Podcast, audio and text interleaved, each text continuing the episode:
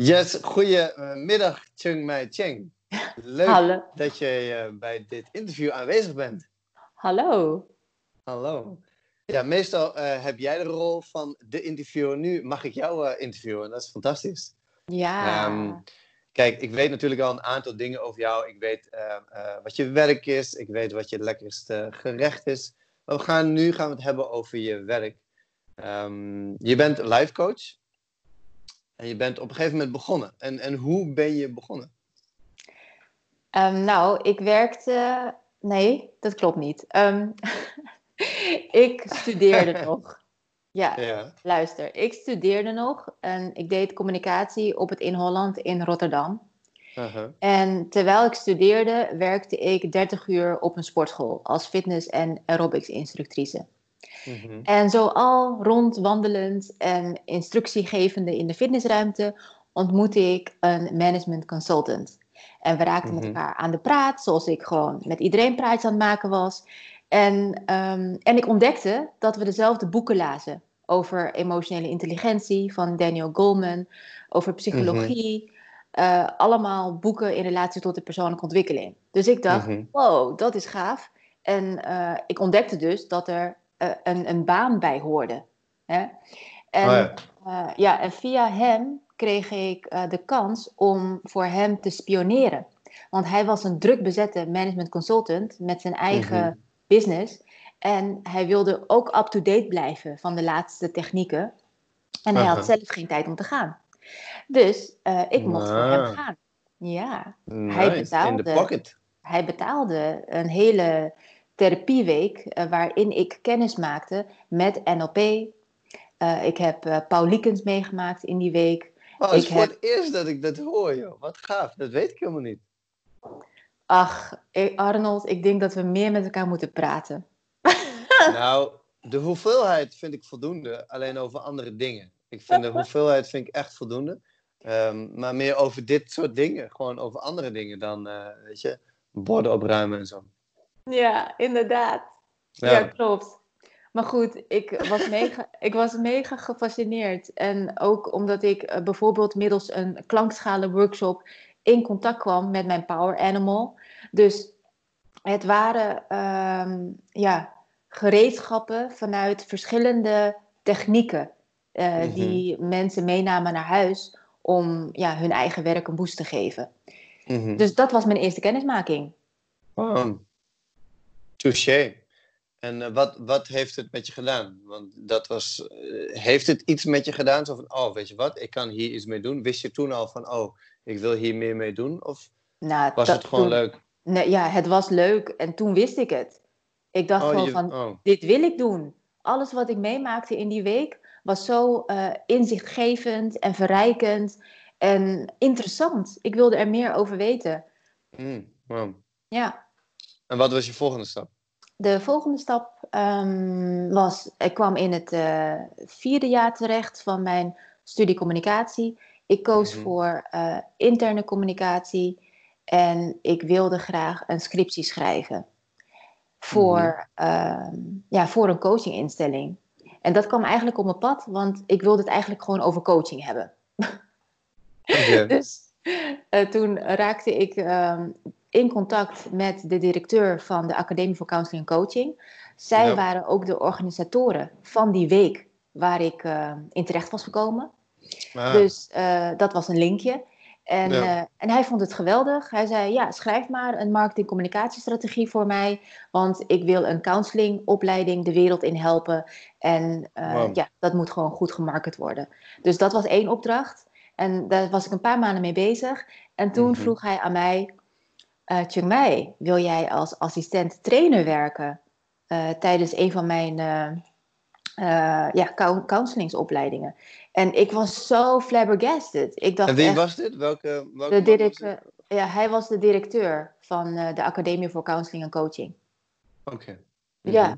Ja, dus ehm, nou, we zaten met z'n tweeën in zijn, in zijn kantoorruimte. En hij vroeg dat aan mij. Ik Mhm. wist niet wat ik moest zeggen, want ik was 26. En ik dacht, Ja. jij, jij vraagt mij om anderen te begeleiden, terwijl ik nul Ja. ervaring heb in het begeleiden van andere mensen. En toen vroeg hij aan mij, wil je het? Ik zei Hmm. ja. En hij zei, dan kan je het. Wauw. Geen discussie mogelijk. Oh. Ik hoefde niet meer te ik hoefde niet meer te twijfelen. Het was gewoon ja. Dus toen ging ik als 26-jarige 40-plussers eh, feedback geven eh, tijdens eh, deze cursusdagen. Fantastisch. Ik heb zoveel Ja. geleerd. Ja, echt Wauw. heel mooi. Dat is, dat is tof. Ja. En welke, welk jaar leven we nu? Dit verhaal? Ehm, nou, dit was in ehm, 2004. Oh ja. Wauw. Oké. Ja. Ja. En heb je, heb je in. ehm, nou, ik ben vooral benieuwd naar het, naar het vervolgtraject. Want je bent. Je, je, je, je werd. Ja, eigenlijk was je in zo'n gigantische flow.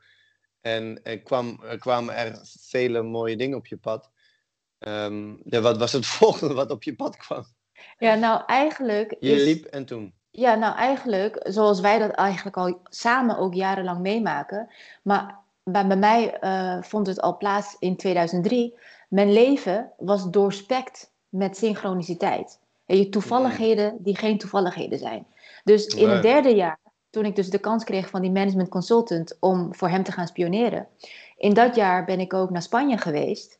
En Mhm. on- ontmoette ik Penny. En eh, zij komt uit Australië en we werden vrienden.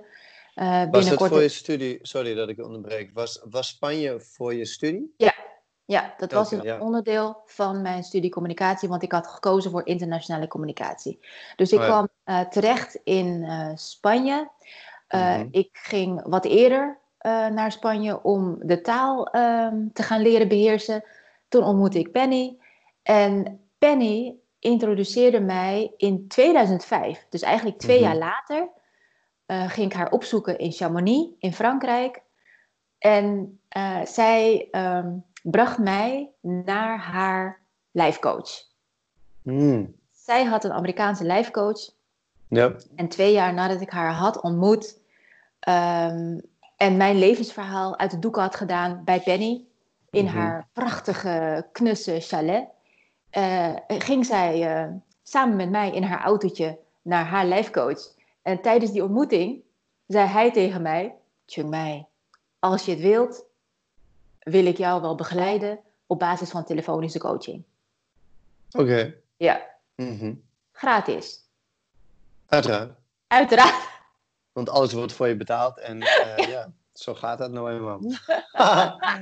ja, oh, ja, tof. ja, want hij was, ja, hij was namelijk eh, aan het studeren om ehm, een eh, als ja, gecertificeerde lijfcoach aan de slag te gaan. Dus hij, had nog wat cases nodig. Hij had gewoon oefenmateriaal nodig. En ehm, ja, hij mocht op mij oefenen. En voilà. De case eh Chiang Mai eh, stond op. Yes. Wauw. ja, joh.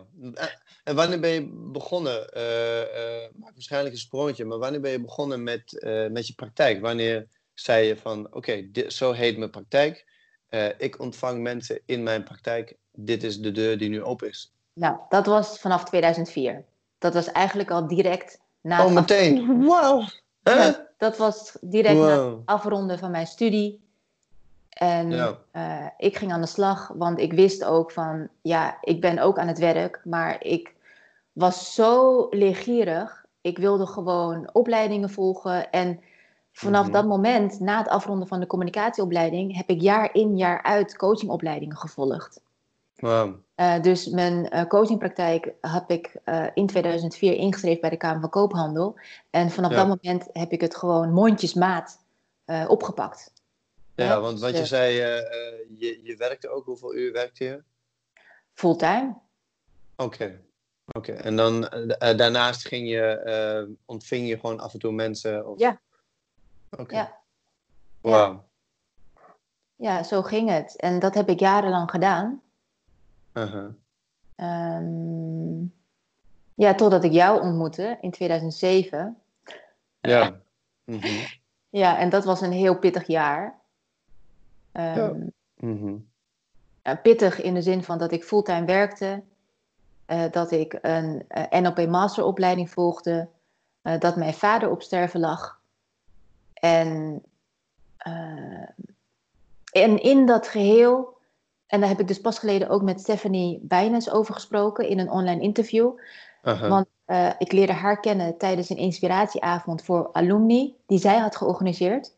Mhm. Dus in datzelfde uh, jaar was ik naar die avond gegaan. Hey, ik, was, ik zat er helemaal doorheen, maar ik wilde gewoon daarheen. En um, tijdens die inspiratieavond besloot ik ontslag te nemen van, oh, wow. van, van, mijn werk. Ja. Wow. En, en verder te gaan met coaching. Mm -hmm. En uh, ja, zo vervolgde uh, mijn weg. En in die eerste jaren was het ook wel heel pittig, omdat uh, ja, ik was gewoon nog zoekende. Hè? In, uh, hoe Want ik... had, je, had je een klantenbestand of had je hoeveel, ja, als je het wil noemen, kan het, hoeft niet, maar verdiende je, ja, verdiende je voldoende om ervan te leven? Want je stopte met je werk. Dus coaching was je werk, maar was het voldoende? Nee, dat was niet voldoende. Oh, en toen? Nee, dus ja, um, na het sterven van mijn vader uh, kreeg ik wat geld, zoals je weet. En uh, de, daar werd over gezegd, koop daar een auto van. en toen, ah ja, een dure auto. Uh, nou, en toen dacht ik, nee, daar wil ik van leven, zodat ik mijn praktijk kan opbouwen. Oh ja, wauw. Dus ja, zo hebben we dat toen aangepakt. Ja, wauw. Nou ja, het is wel een hele, hele bewuste keuze in die zin van je, weet, je, je wist al vroeg wat je wilde. En je, ja, ja, het was een heftige tijd natuurlijk. En deels heb ik dat ook meegemaakt. Um, maar je koos wel voor datgene wat je wilde doen. En dat is. Ja, dat is fantastisch. Weet je, dat. Uh, dat nou ja, ik, ik, ik heb dat. Jij voelde dat al vrij snel. Mm -hmm. uh, tenminste, ja.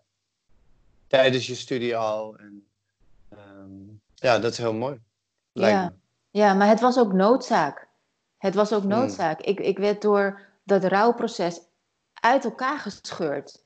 Dus fulltime werken en, en bezig, me bezighouden met iets wat me geen voldoening gaf. Ja. Van, vanuit een gescheurd uh, systeem wat totaal ja, aan, ja, gewoon aan flarden lag. Mm -hmm. Dat was gewoon geen, dat was geen keuze. Dus uh, nee. het, het was gewoon alles bij elkaar. Waardoor het de meest logische stap was om te doen. Ook al was het spannend, maar um, ja, het was de meest logische stap. Ja, wauw. Ja, wauw. Het, um, het is heel inspirerend. Het deed me ook een beetje denken aan mijn laatste gesprek met Farbot. Van dat hij ook gewoon wilde doen wat hij wilde doen. En nooit eigenlijk iets anders uh, heeft kunnen doen. Ja.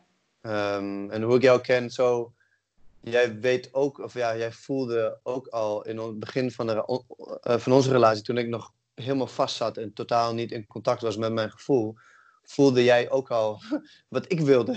jij voelde mijn gevoel aan, zeg maar. En daar hebben we een paar jaar over gedaan, totdat ik zelf uh, begon te voelen. Um, maar er is ook niks anders. Hè? Je, kan, je kan alleen maar doen wat je uh, wat goed voelt. Uiteindelijk, ja. anders word je ongelukkig. Je had door mhm. kunnen gaan met, met je baan. Je had, weet je, dan had je een stabiel inkomen. Dan had je uh, waarschijnlijk al je derde huis gehad. En weet ik veel wat allemaal. Alleen het doet er niet toe. Ja. Toch? Uiteindelijk doet het er niet toe. Ja, dat klopt. Mm ja. ja. Maar wel een heel mooi, uh, heel mooi pad. En nu, ja, en nu uh, ja, vertel je het over hoe je nu werkt en wat je nu doet. Ja, voor mij is het zo normaal. Ik weet natuurlijk wat je allemaal doet. Um, maar voor de kijker. Ja, nou ja, weet je, voor mij is het nu. Nu voelt het als Walhalla. Eigenlijk. Walhalla. Ja, de Walhalla. Gewoon datgene waar ik slash wij samen uh, zo lang naartoe hebben gewerkt. Mm -hmm. Om uh, ja, gewoon het leven te leven vanuit onze talenten. Aha. Ja, en dat is ware vrijheid. Dat voelt gewoon geweldig. En ja, uh, ja hoe mijn werk eruit ziet.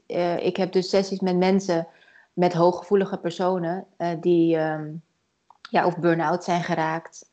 Of ja, zichzelf al een lange tijd kwijt zijn. Of al jarenlang met depressie kampen. Of last hebben van woede, aanvallen. ehm, en daar heb je dan, weet je, twee, grof, grofweg zeg maar, twee versies van. De, de Aha. introverte hooggevoelige persoon die alles inslikt. En de extraverte hooggevoelige persoon die bij tijd en wel- wijle gewoon explodeert. Ja. eh, richting zijn of haar omgeving en richting de mensen. Mhm. Ehm, nou ja, verder, wat ook, ja, ik heb me geprofileerd altijd als lijfcoach. En eh, Ja. sinds dat eh, rebirthing in mijn leven is en in mijn praktijk, sinds 2015, eh, heb ik me geprofileerd als ehm, HSP-coach en rebirther. Ja. En in, ja, in die trajecten, die ik dan ook zeker vanuit rebirthing, vanuit deze ademhalingstherapie eh, begeleid, eh, Aha. heb ik ook al een boel angsten bij mensen getackeld. Oké. Ja, Mhm. in- inclusief die van mezelf. Mhm. Maar ehm, eigenlijk het hele scala aan gevoelens, dat komt voorbij in Ja. mijn, mijn werk. En Mhm. eh, vaak ontvang ik mensen die al jarenlang eh, bezig zijn met hun persoonlijke ontwikkeling, met hun psyche. En eh, hebben zich eh, of zelfstandig verdiept weet je, in, in boeken, hebben zich laten begeleiden door psychologen, psychotherapeuten, Ja. eh, acupuncturisten, haptotherapeuten, noem maar op. Gewoon een heel Mhm. scala aan begeleiding. Ehm, bij, bij tijd en wijle, weet je, bij vlagen, wanneer ze dat nodig hadden. En nog steeds kampen ze met fysieke klachten, emotionele klachten en mentale klachten. En hoe komt En dat? Hoe komt dat? Nou ja, ik eh, geloof dat dat ook zeker komt door ehm, je bewustzijn. Hè? Dus vanuit een bepaald bewustzijn kies je voor eh bepaald type begeleiding, wat op dat moment eh, voor jou goed voelt en bij jou past, hè? Mhm. bij jouw wereldbeeld past. Aha. En, en je groeit erdoor. Hè? Door elke stap die je zet, elke begeleiding die je hebt ervaren. Je groeit en, Mhm. ehm, en zet je stappen in het leven om die innerlijke rust en vrede en balans te, te vinden, te hervinden. En, en als het dan nog een beetje wankelig voelt, hè, dan, dan komen mensen dus bij mij terecht. En ehm, wat ik doe vooral, is eigenlijk hen laten voelen. Het zijn Ja. vaak mensen die eigenlijk mega gevoelig zijn, maar door hun overlevingsmechanisme heel erg vanuit angst de wereld hebben bekeken. Ja. En dus eh, en ze zichzelf hebben gevoed met kennis, met alles wat, wat de wereld eigenlijk nu gewoon kan dragen, hè, vanuit de wetenschappelijke hoek. En Ja. dan komen ze bij mij terecht. En ik vind mezelf heel erg praktisch spiritueel. Dus Mhm. ehm, ik breng mensen gewoon in contact met hun gevoel, want dat is wat voor mij ook wezenlijk is. Mensen Ja. voelen. En zijn op een gegeven moment gewoon van, eh, eh, verwijderd geraakt van hun ware gevoelens. Omdat het te onveilig voelde om die te uiten als kind. Mhm. Ja. Ja. Ja. Dus nou, dat is een hele mond vol. Ja, als ik, als ik ook een eh, kleine mond, eh, een kleine mond vol eh, ma- mag toevoegen, hoe ik, hoe ik jouw werk zie en als ik zeg maar, kijk, het is gebiased in de zin van, weet je, ik ben je partner, we hebben geleefd, je hebt mij begeleid. Als ik mensen tref van, ja, ik zoek een begeleider, dan denk ik in eerste instantie aan jou of andere begeleiders, en dat kan ik op één hand tellen, eh, die naar de kern gaan. En Ja.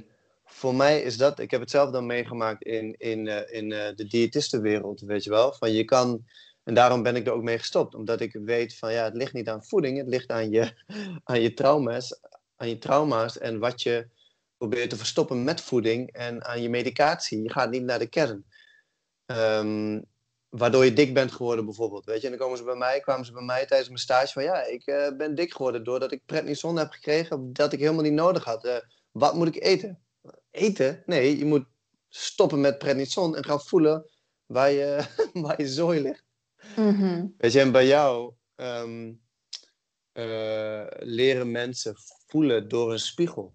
Wat ik bij jou heb ervaren is gewoon, je tuned in op de energie van de ander en je gaat naar de kern op een manier dat weinig mensen eh, kunnen bewerkstelligen.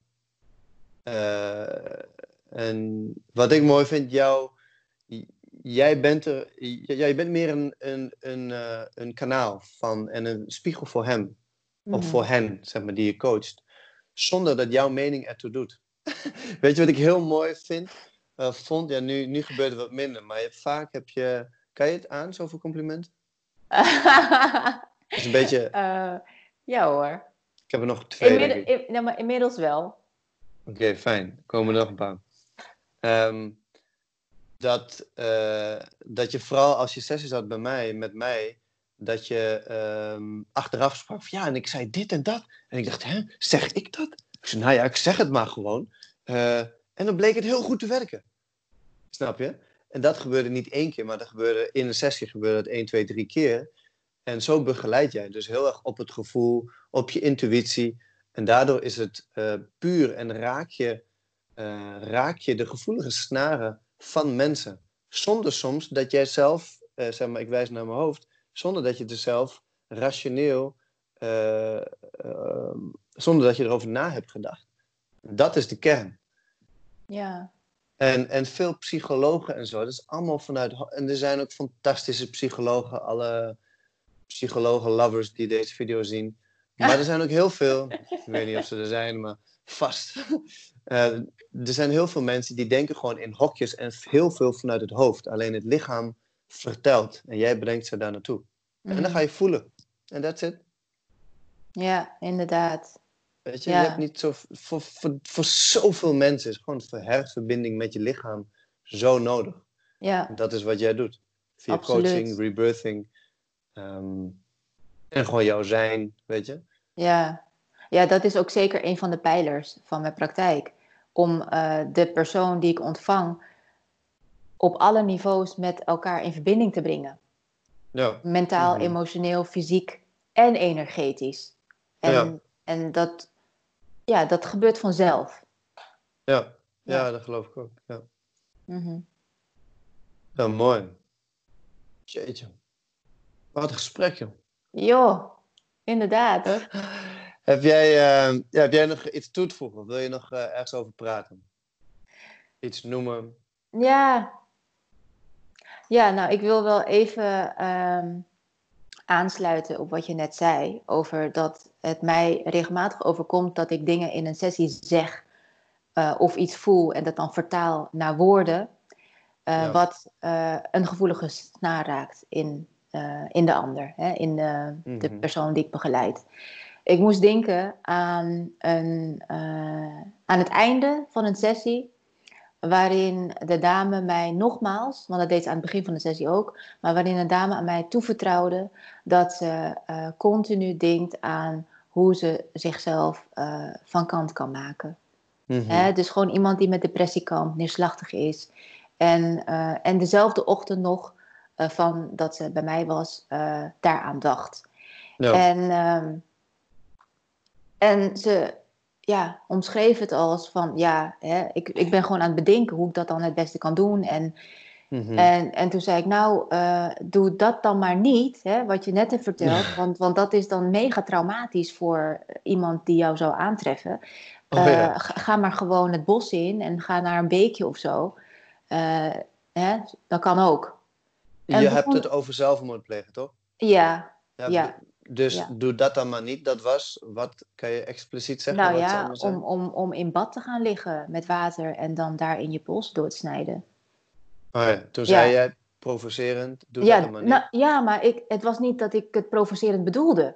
ah, oh, dit is ook een voorbeeld. Oh ja, sorry. Ja, dit is een je- voorbeeld van wat, dat je gewoon maar zei. Ja, ik zei. zei, ja, inderdaad. Ik zei gewoon van, nou, doe dat maar niet. Want dat is mega traumatisch voor iemand die jou eh, zal vinden hè, Ja. in die situatie. Dus Mhm. eh, ja, en toen zei ik, nou, inderdaad, ga maar gewoon het bos in eh, en ga in- in een beekje liggen. En vervolgens begon ze keihard te lachen.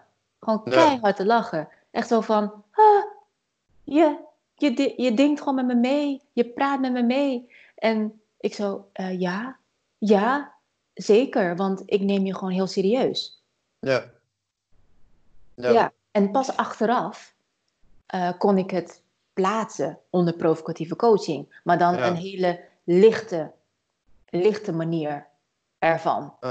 Ja. Eh, maar ja, ik deed het onbewust. En, maar meer vanuit het uitgangspunt dat ik de ander altijd serieus neem Ja. met wat ze me vertellen. Ja. Ja, dat is heel mooi. Ja, Ja. Het heeft, een, eh, het heeft meer, het, het positieve effect heeft meerdere lagen. Hè? Mhm. Alleen al het feit dat ze dus keihard heeft gelachen, terwijl ze een paar uur daarvoor nog gedacht aan zelfmoord plegen. Dat is een behoorlijk, behoorlijk resultaat. Gewoon dat al. Ehm, plus dat het een ingang was. Kijk, ik weet verder geen details, maar het was een ingang ook om.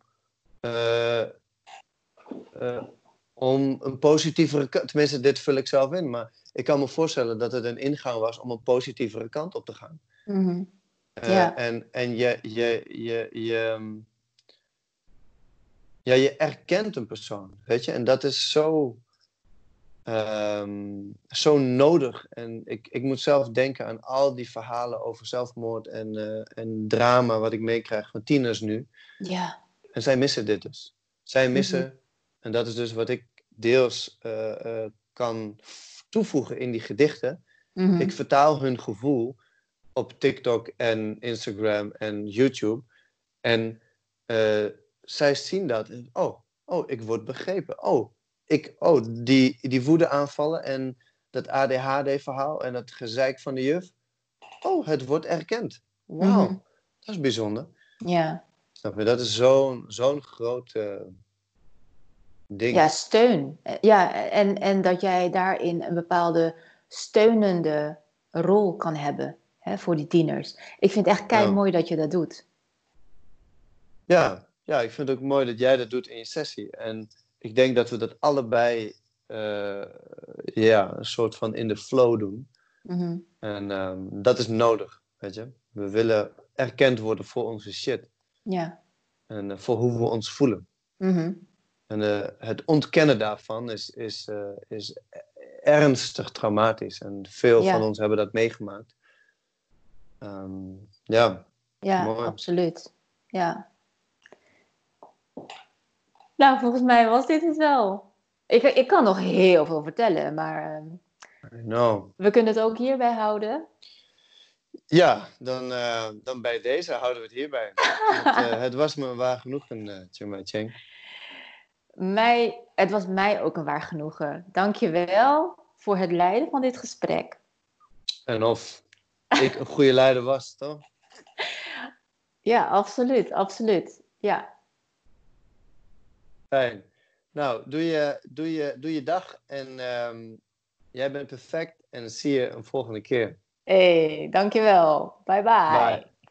Ciao. Ciao.